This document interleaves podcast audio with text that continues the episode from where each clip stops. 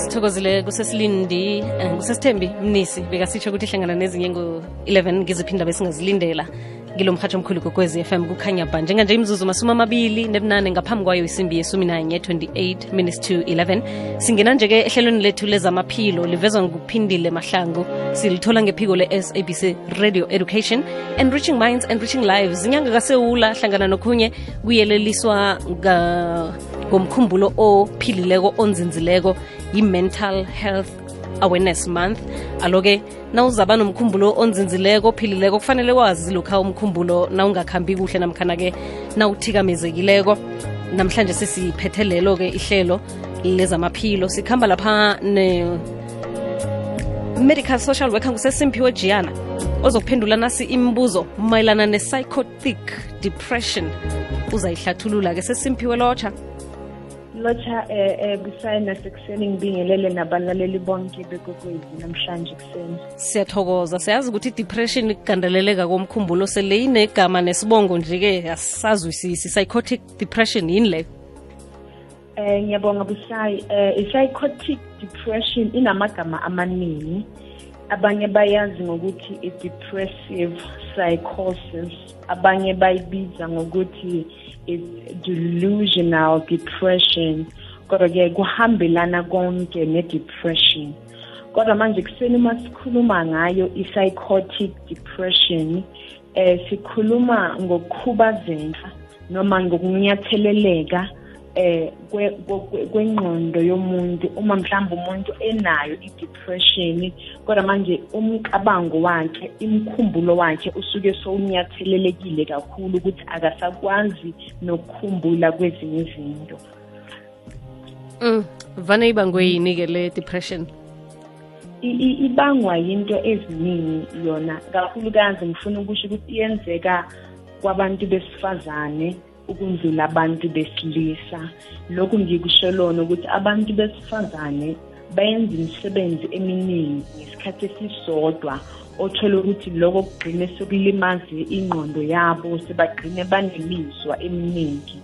So yona kahle kahle ikhoswa ukuthi mhlambe ekhanda engqondweni yomuntu in the brain kunokungabhalanseki kahle kwezinto. Kusho ukuthi ngendlela umuntu asebenza ngayo ngendlela umuntu angatholi isikhathi sokuphumula noma umsebenzi omningi bese ingqondo yakhe ikhohlwe ukubuyisa ibhalansi ukuthi umuntu akwazi ukuthi asebenze noma afunctione kahle. Kuzokala kamnandi ngusesimphiwe jiyana uhlathulula indaba ye-psychotic depression. Amathwayo wayo-ke ukuthi umuntu unayo le depression kubonakala njani? Okay ngifuna ukuyihlukanisa phakathi kwe-depression nayo i-psychosis ngoba i-psychosis or i-depressive psychosis yenzeka kumuntu ose enayo i-depression mm. yebo so i-depression uma sikhuluma ngayo kokuqala sikhuluma ngokuthi umuntu uba nemizwa yokudabuka which is sadness noma umuntu angabi nethemba like hopelessness. Umuntu afile ngathi u-guilty of something noma yena akunandaba naye. And uma umuntu eqhubeka ezizwa kanjalo lokho sokusho ukuthi lowo muntu ubonisa amathwawo we-depression. Bese uma sikhuluma ngayo i-psychosis kapa being psychotic sesikhuluma ngomuntu osuka abona izinto ezingekho mara ezibona sengathi zikhona noma umuntu acabange emngqondweni wakhe ukuthi abantu babona imicabango yakhe engqondweni bese azama ukuthi aziprotecte. Noma umuntu nje abe nalento esibiza ngokuthi is paranoia. Ngamanye amagama nje uvele enze izinto noma abone izinto singathi izikhona. Or umuntu ahamba emaphoyiseni athi-ke ngiyozibambisa ngoba khona umlando onguwenzile so i must be arrested. So that is part of psychosis. So uma umuntu enza kanjalo usuke abonisa nje kuphela ukuthi unayo i-psychotic depression. Masumi amabili nemine imzuzu ngaphambi kwesimbi yesumi nanye 24 minutes to 11 lo mrhatsha kho ikwekwezi fm kukhanya ba emoyeni ukuhamba nobusayi. Sikhamba nosesimphiwe jiyana nguye ohlathulula emoyeni mayelana negandeleleko lomkhumbulo nandi elibizwa nge-psychotic depression. Siku-089 1207667 sikungimi nawe at ikwekwezi fm co za nange uthandile ukubuza nge-email kanti-ke sikhona nalapha ku-twitter at ikwekwezi underscore fm bese ungitheke uthi at busayi mathebula. Esitatusini sami sefacebook ngisihlolile isihloko ngenza siwa sona khona ungase ubuze umbuzo kusesimphiwe abodohotere-ke sesimphiwe bayibona njani-ke i-depression leli? Okay bise abodokotela kakhulu abantu esibabiza ngokuthi ama-psychiatrist laba abasebenza ngey'ngqondo zabantu abahlola ukuhamba kahle kwengqondo yomuntu ibona abakwazi ukudiagnose noma ukuyibona this kind of depression. Okokuqala uzothola ukuthi esibhedlela nesibhedlela sinayo i-ward yabantu bey'ngqondo ezingaphilanga kahle abasathatha i-treatment. So okokuqala udoctor uzobona i-patient ngokuthi ebusuku mhlambe umuntu akalali ulala emini or umuntu akafuni ukugeza usaba ukuvelela ebantwini uhlala yedwana la ahlala khona noma umuntu eh akanandaba ukuvelela ebantwini akafuni uku-engage nabantu and loyo muntu akafuni uku-expressa noma ukuveza imizwa yakhe ebantwini. Kuthatha isikhathi ukuthi loyo muntu loyo akhulume ngemizwa yakhe. Nalokuthi loyo muntu uvele acasuke noma loyo muntu vele adineke kungenasizathu sokuthi mhlambe yini lento emcasulayo noma yini lento emzwisa ubuhlungu. Sesibona nje ngendlela aziphatha ngayo ngendlela ese-ekwatile ngayo nokuthi loyo muntu loyo akakwazi ukuthi afocuse noma abhekane nento isikhathi eside ngamanye amagama they have difficulty in concentrating noma ngabe kukuphi lapho abayenza kwenza lento ayishiye ayenze enye ayishiye ayenze enye ayishiye so kuba nzima kuye ukuthi ene a-concentrate entweni ayenzayo nokuthi umuntu uyehla emzimbeni uyehla nje angadayithi noma angenzi anga-exercise kodwa sibona ukuthi umzimba wakhe uyehla akafuni ukudla loss of appetite and as well as loss of weight. Lokho kuwamathwawo abodokotela abawabhekayo noma abantu abawaqaphelayo abasebenza ngabantu abanokuphazamiseka kwezingqondo. Mm mhlambe fanele ukuthi abe ingaki nabaza kusho ukuthi ngathi eh, ngiyo. Okay kakhulukazi eh kuzo zonke lezi engishilo lezi eziyi-five ukuthi mhlambe umuntu vele ayeshe emzimbeni angafuni nokudla nokuthi umuntu uvele acasuke singazi ukuthi ibanga lokuthi acasuke iliphi nokuthi nje umuntu kunokuthi alale ebusuku akakhoni ukulala ebusuku and then ulala emini. Nokuthi umuntu akafuni ukuvelela ngaphakathi kwabantu like ugcina sekangasagezi angasashintshi impahla ngenxa yokuthi akafuni ukuthi abantu basendelele kuye. Nokuthi nje umuntu kwesinye isikhathi uyajabula kwesinye isikhathi sekacasuka like those changes in the mood. Yayibona into engiyishoyo? Ngikuzwa kamnandi uh, sesimphiwe 089 1207667 2211 lo mhatsha kuthanda kuyikwekwezi FM kukhanya ba ngaphasi kwehlelo lethu le-SABC Radio Education sicale isihloko sokugandeleleka emkhumbulweni eh, sehlobo elibizwa ngokuthi i-psychotic depression. Sikhamba lapha nosesimphiwe Giana nginenkinga yokukhuluma ngedwa ngize ngiziphendule. Okhunye-ke ngikhuluma ngezinto ezidlulileko noma-ke ngikhulume ngento engiyifisako. Sometimes ngikhuluma noma ngilele and angikwazi um ukuhlala ngingakhulumi ngoba sometimes ngikhuluma nangehliziyo. Kuba sengathi-ke ngiyalingisa ngoba-ke nokulila ngiyalila. So angazi ukuthi kunormal noma nginomraro na? Kho usizo umlaleli osibhalele ku-email sesimphiwe okay um besangicela ungibizele izinto athe zenzekala kuye.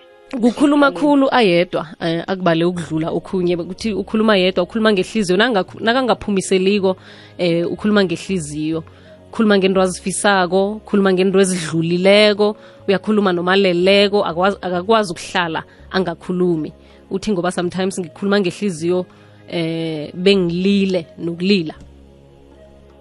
Okay um lokho akusho akusi amathwawo we-psychotic depression. Mm. kodwa kuyafuneka ukuthi ahambe what we call uh, therapy because kuyenzeka abantu bandlule ezintweni ebese abakhulumi ngazo. Bese ma ehleli yedwa lezi zinto lezi adlule kuso zibuye Mm. uthole ukuthi akasakwazi ukuthi athule ngazo so ekugcineni ebusuku masilele iy'ngcondo zethu our neurotransmitters ziyahlala bese umuntu egcina ekhuluma because ingcondo yakhe has been rested but umzimba wakhe awuphumulanga so ugcine seka akhuluma. Nokuthi eh all these wishes izinto afuna zenzeke mhlambe yizinto aziplanile but now because of other ngenxa yezimo andlula kuzo lezi zinto lezo azikayenzeki. So it's better ukuthi during therapy you are able ukuthi usho ukuthi empilweni yami ngandlula ezintweni eziso empilweni yami ngifisa kwenzakale. So to be able ukuthi akhulume nomuntu ozokwazi ukuthi amzwisise nokuthi amsize ukuthi izinto ezidlulile asibheki kuzo sibheka kwizinto ezingaphambili kwethu. Um nokukhuluma ebusuku kuyenzeka noma ubani kodwa uma sengabe zimlimaza omunye umuntu kulapho-ke azodinga khona abona udokotela azokwazi ukumsiza mhlambe those are signs of depression azokwazi ukumnikeza ama-antidepressants. Kodwa akusiyona amathwawo we-psychotic depression. Okay iyalapheka eh yona i-psychotic depression le? I-psychotic depression ayilapheki iyatreateka. The kukhona i-treatment ekhona ey'bhedlele kuma-private uh, doctors nasey'bhedlele zonke nje zikahulumeni. Akhona njengoba ngishilo ukuthi isibhedlela ngesibhedlela sinayo i-ward enama-psychiatrist abodokotela basebenza ngengqondo yomuntu bazwisisa every bazwisisa every part yengqondo yomuntu. So ikhona nje i-treatment ekhona because into ebuhlungu ngayo i-psychotic uh, depression ukuthi ingenzeka kule viki next week kule viki elilandelayo besayenzeki iyenzeka kulela viki kuleli viki elilandelayo engenzeki. So iyenzeka ngezinto esibiza ngokuthi ama-episode. So uma ama-episode eqhubeka enzeka more than two months kusho ukuthi loyo muntu loyo must be admitted kumele angene esibhedlela azokwazi ukuthola i-full time eh treatment yona ayilapheki ngoba kwesinye isikhathi uthola ukuthi yinto ekhona emndenini mhlawumbe umama ubhuti usisi unayo ekhaya. So noma abodokotela bangakatholi ukuthi kahle kahle isusa kuyiphi ijini emzimbeni yomuntu kodwa yona ihamba ikhona emndenini. So yinto enzakala ngama-episode. Righty ke ngizona ngumlaleli semoyeni lotsha. Hello? Usemoyeni ikwekwezi lotshani ikwekwezi usemoyeni yeche. Um busayi akwande kusodiye ngephumula okay. Ya eh bengiba ukubuza mani nangabe uthi mhlambe umuntu une problem ukuthi like ebusuku thola ukuthi into eyenzakala continuously eh uyakhuluma ebusuku like uyathuka always naleleko. Uyathukwa ya like uthuka like esisingathi kungomuntu okukhuluma naye ashawute so on. Ayibambi lokho na. Mm. uyamuzwa sesempiwe ngiyamuzwa kodwa ngimuzwa kancane mhlawumbe oh khuluma ngokuthukwa ukuthi umuntu avuke athukwe ebusu- a- athukiwe ebusuku kuba ngathi eh ngazi uthe uyarhwelela na kodwana-ke ukuthukwa ebusuku. And lokho kwenzakala uthi continuously continuously. Okay. Lokho kuyi-sign esibiza ngokuthi it might be what we call schizophrenia. Sike sakhuluma ngayo ischizo ukuthuka loko ukuthuka kwezinto sengathi zikhona kodwa azikho. It's one of the symptoms ubaba akhuluma ngoba umuntu uyathuka ebusuku mhlambe umuntu during the day ukhona into eyenzekele a- ayibonile yenzekala bese azange akhulume ngayo. Njengoba ngishilo sebusuku ebusuku masilele our neurotransmitters ziyaphumula but our bodies yizo ezihlala zizichubeka. So kungenzeka ukuthi ubaba kubalulekile ukuthi amhambise udoktor akwazi ukubona ukuthi between i-depression i-schizophrenia nayo i-psychosis yiphi mhlambe engaba khona emzimbeni noma empilweni yaleyo muntu loyo. Sithatha omunye umlaleli emoyeni. Semoyeni kwakwezilotshani kwande busanjani sikhona baba njani nina? Ukhuluma nobakuntuli um kwaha um mani busa ngine-problem yokungalali esuku akwenzeki noma ngingalala mhlawumbe ngabo-ten. Then before three nje ngiyavuka angazi ukuthi ayikho leyo kinga ke mina. Sesimpi unombuzo kubaba um unekinga ukulala? Akakhona ukulala ebusuku? Akakhoni ukulala ebusuku. Ubaba kanti ngalalela emhatshweni angazi ukuthi unombuzo na usesimphiwe mhlambe kunento asafuna ukukubuza zona ngazi ngicela ukubuza nje ubaba ukuthi ubaba uyasebenza during the day. Hello? Ukuthi ukuthi ubaba mhlambe uyasebenza unomsebenzi awenzayo. Ya ya ngiyasebenza. Okay ufike esikha ekhaya ngesikhathi bani baba Ah ngimuntu ofika nje ngesikhathi esifaneleko ngama-six seven ngisuke sengisekhaya and then mara noma ngingalala even ngo-ten u-three yena ngeke ashaye abethi ngisa- ngisa- ngi- ngisalele. Okay ngiyabonga baba ungalalela alright right. Sesimphiwe ngarakela phambili. Okay busayi eh ubaba into engingayisho kuye ukuthi ithwawo lelo elinye lesi- le-psychotic eh, depression ukuthi mhlawumbe umuntu akakwazi ukulala ebusuku. Kodwa kusho ukuthi ubaba unayo i-psychosis psychotic depression ngoba kwesinye isikhathi siye sisebenze kakhulu. Uma umzimba wethu ukhathele asiwulaleli bese siyaqhubeka siyasebenza ebese ingqondo nayo iyajwayela ukusebenza. So mase kuyisikhathi sokuphumula kuba nzima ukuthi i-adjuste so into ebalulekile ukuthi in everything kuyo yonke into ubaba ayenzayo must always take a break ukukhumbuza umzimba ukuphumula ukuze akwazi ukulala ebusuku. Because uthola ukuthi noma elele ebusuku ingqondo yakhe ay- ay- ayiphumuli ngoba imele iphumule. Nomzimba wakhe ngoba ujwayele ukusebenza kanzima awukwazi ukuphumula. Okwenza ukuthi kube nzima ukuthi umuntu athole the six hours of rest ukuze umzimba uvuke kusasa uphilile. So into engiyishoyo kubaba ukuthi akazame ngaso zonke iy'khathi ukuthi noma esebenza athathe ikhefu ibreak ukukhumbuza umzimba wakhe ukuphumula ukuze kube lula kuye ebusuku ukuthi akwazi uk- ukulala nokuthi makavuka ngabo-three there's activities noma izinto angazenza ukuthi akwazi ukubuyela ebuthongweni bakhe so into engiyikhuthazayo ukuthi ena aka- akabone udokotela amchazele mhlawumbe udokotela angamupha nje amaphilisi ukuthi aphumule ebusuku akwazi ukulala kodwa those things are the last resort. Into ebalulekile ukuthi umuntu afundise umzimba wakhe ukuphumula. Mm. Bekhe ngayihlathulula ngaphambilini indaba yokulala ukuthi kuqakathekile uzima usenze njalo. Iyingozi-ke ses- eh, simphiwe indaba ye-psychotic depression le? Ingozi busayi because njengoba ngisho ukuthi umuntu u- ubona izinto ezingekho sengathi yizinto ezikhona. Nokuthi imicabango yakhe ubona ngathi imicabango yiyo emlawulayo ebese sibona ngokuthi loyo muntu lo uyaqala uyahallucinate yile nto esibiza ngokuthi i-hallucination. Ubona izinto ne-delusion.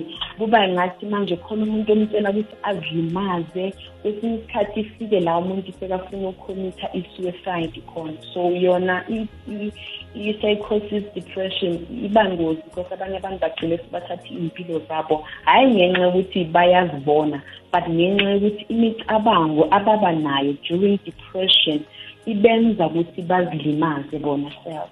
Bobana basengozini yokuba ne-depression le njengoba ngishilo ukuthi eh abantu abasengozini kakhulu abantu besifazane ngoba abantu besifazane ba- bake bathathe izinto zonke bazitheze zona emahlombe abo bafuna ukuhlogomela yonke into. So yibona kakhulu othola ukuthi ba- babanayo eh ukugula lokho khe ngikufundele nangumlaleli uthi nginombelethi engicabanga ukuthi ngenxa yamathwayeni wabalako la ngenzeka unayo. Manje singifuna ukwazi ukuthi umuntu ophethwe ngilokho kugula eh umphatha njani wena ngehloso yokumsiza? Nokuthi iyalapheka completely na? Ngoba bese lesifuna ukumtlolisela nomholo okay all right. Eh ngifuna ukuxwayisa abantu ukuthi yabona abantu abanabo loku kugula lokhu futhi abangazi ukuthi banalo lokhu kunzima ukuthi umtshele ukuthi uyagula noma kumele uye edoktheni. But into emamele bayenze ukuthi bafune or kube ney'ndlela zokuthi bangabathethisi bangashawuthi bangamemezi bangabanikezi nomsebenzi omningi because uma umthethisa noma umemeza noma ushawutha noma umupha umsebenzi omningi lokho kuvusa noma kutrigara that depression engqondweni yakhe. Yena ngeke azayibona kodwa ingqondo yakhe izabe seyimtshela ukuthi lo muntu lo lakaziphi umsebenzi uyakulimaza noma lo muntu lo okushawuthayo mshaye back ilwa naye all those kind of negative emotions zigijimela engqondweni. So the important thing ukuthi lowo muntu loyo always try ukuthi communication ibe short ibe clear simple so that a-understand ukuthi umzimba wakhe ukwazi ukwenza le nto enimcela ukuthi ayenze. And ukuthi bamholele um i-department of social development noma ngisho ukuthi i-south african um social service agency inayo i-grant noma usizo elisiza abantu abanawo ukukhubazeka provided ukuthi udokotela okhona in the department noma ngisho esasa he is the one or she is the one who then gives i-medical report esupporta ukuthi lo muntu akaphilanga akaphelelanga. Therefore uyafaneleleka ukuthi akayithole this assistance. Semoyeni kokwezi lotshani. Akwande busayi nivukile sivukile nivuke njani nina kuswide ekhaya kulapha emangweni ihontshi lami lasekeni park busayi hello? Sikulalele eh, somabhebeza ya umraro wami umraro wami ungathi useqadanyana mina-ke ngilala isikhathi eside and engezwa nokuthi kwenzakalani. Mm. nakwi-weekend khona ngalala mhlawumbe two days ngivuke lokho nangiyokuhlambuluka kuphela or ngiyokusela amanzi. Angazi ukuthi mhlawumbe ngine-problem na. Okay sesimphi unombuzo cha anginawo umbuzo. Alrighty omunye ke umlaleli engase sengithi kuyafana eh lokho okutsho ngisomabhebeza uthi yena ubuthongo bakhe abupheli uthi begodu kesinye isikhathi ke ngisebenza emini nobusuku ingakhani kubangelwa yini lokho? uLucas usedofontein okay ukulala ukulala isikhathi eside um kuhambelana nokuthi busayi um uku angifuni ukuthi it's one of the symptoms of depression because mawulele it shows ukuthi umzimba nengqondo they are resting. So kuba yinkinga uma umuntu elala isikhathi eside and that makes the person zenza umuntu ukuthi mhlambe asele emsebenzini but ubhuti uthi yena ulala ngama-weekend. So uthola ukuthi usebenza the whole week and then that's the only time akwazi ukuthi aphumule ngayo. Remember ingqondo siyayitraina ingqondo siyayifundisa nomzimba siyawujwayeza ukuthi okay awuzolala during the week or awuzolala during the week ngendlela olala ngayo on weekend. So when weekend comes ingqondo because it's been trained nomzimba usujwayele. Makufika weekend your body your mind they all rest and then uthola ukuthi ulala isikhathi eside. But if it does not cause harm or mhlambe uyakwazi ukuthi ulale nje without anybody causing or harming or being at risk I, I, I believe it's not something umuntu angazikhathaza ngayo unless kulimaza omunye umuntu. Omunye umlaleli uthanda ukwazi ukuthi ihlukanise kanjani ne-bipolar i-psychotic depression? Okay before umuntu singathi une-bipolar sikhumbule ukuthi kune-bipolar stage one and bipolar stage two. So kwi-depressive psychosis or ku-psychotic depression akukafiki ku-bipolar. I-psychotic depression isesenzansi though it is one part is a major part of depression but ayikafiki ku-bipolar ngoba uma sikhuluma nge-bipolar sikhuluma ngomuntu onama-episode amaningi wokungakwazi ukulawuleka namhlanje ujabulile kusasa it's a continuous thing uma sikhuluma nge-bipolar. But when you talk about psychotic it's something that happens in episode njengoba ngisho ukuthi yenzeka this week bese next week ayenzeki iyenzekile la so with bipolar yinto echubekayo that is uncontrolled ayikwazi ukuthi lowo muntu angahlala nabantu. The person must be hospitalized until ibuyela phansi i- i-level yakhe. Usemoyeni ikokwezi lotshani? Ikokwezi usemoyeni yeche sikhona njani? Siba usipha- usiphakamisela iphimbo? Ninjani sesifisayo? sivuyile ma Siyavuka. eyi sesifisayo kubudisi. Bengicela usesi leya athi amanamba wakhe. Ngiyacabanga ukuthi into ayakhuluma ngayo leyo ngi Mm. wayo. Ngoba nokudla sengiyadla mara ngisadli right. mm. Ngiyacabanga ngiyagcwalelana kusho ukuthi kunekinto engibhekene nayo. Manje nangiyicabangako nangilele kufika ukuthi ngi sendama SMS ngifuna ukuzibulala Mm. ngifuna ukubulala nalo muntu ongibhekene nayo nenkinga leyo manje angazi ukuthi usizo ngalithola phi okay sizokuzwa ngayo Okay. Sesi uh, sesemphiwe ngicela angabeki phansi ucingo ngicela yena ebese ashiya ama-numbers wakhe so that mina ngizokwazi ukuthi ngikhulume naye. Okay mama ngibambela njalo ngisho sesi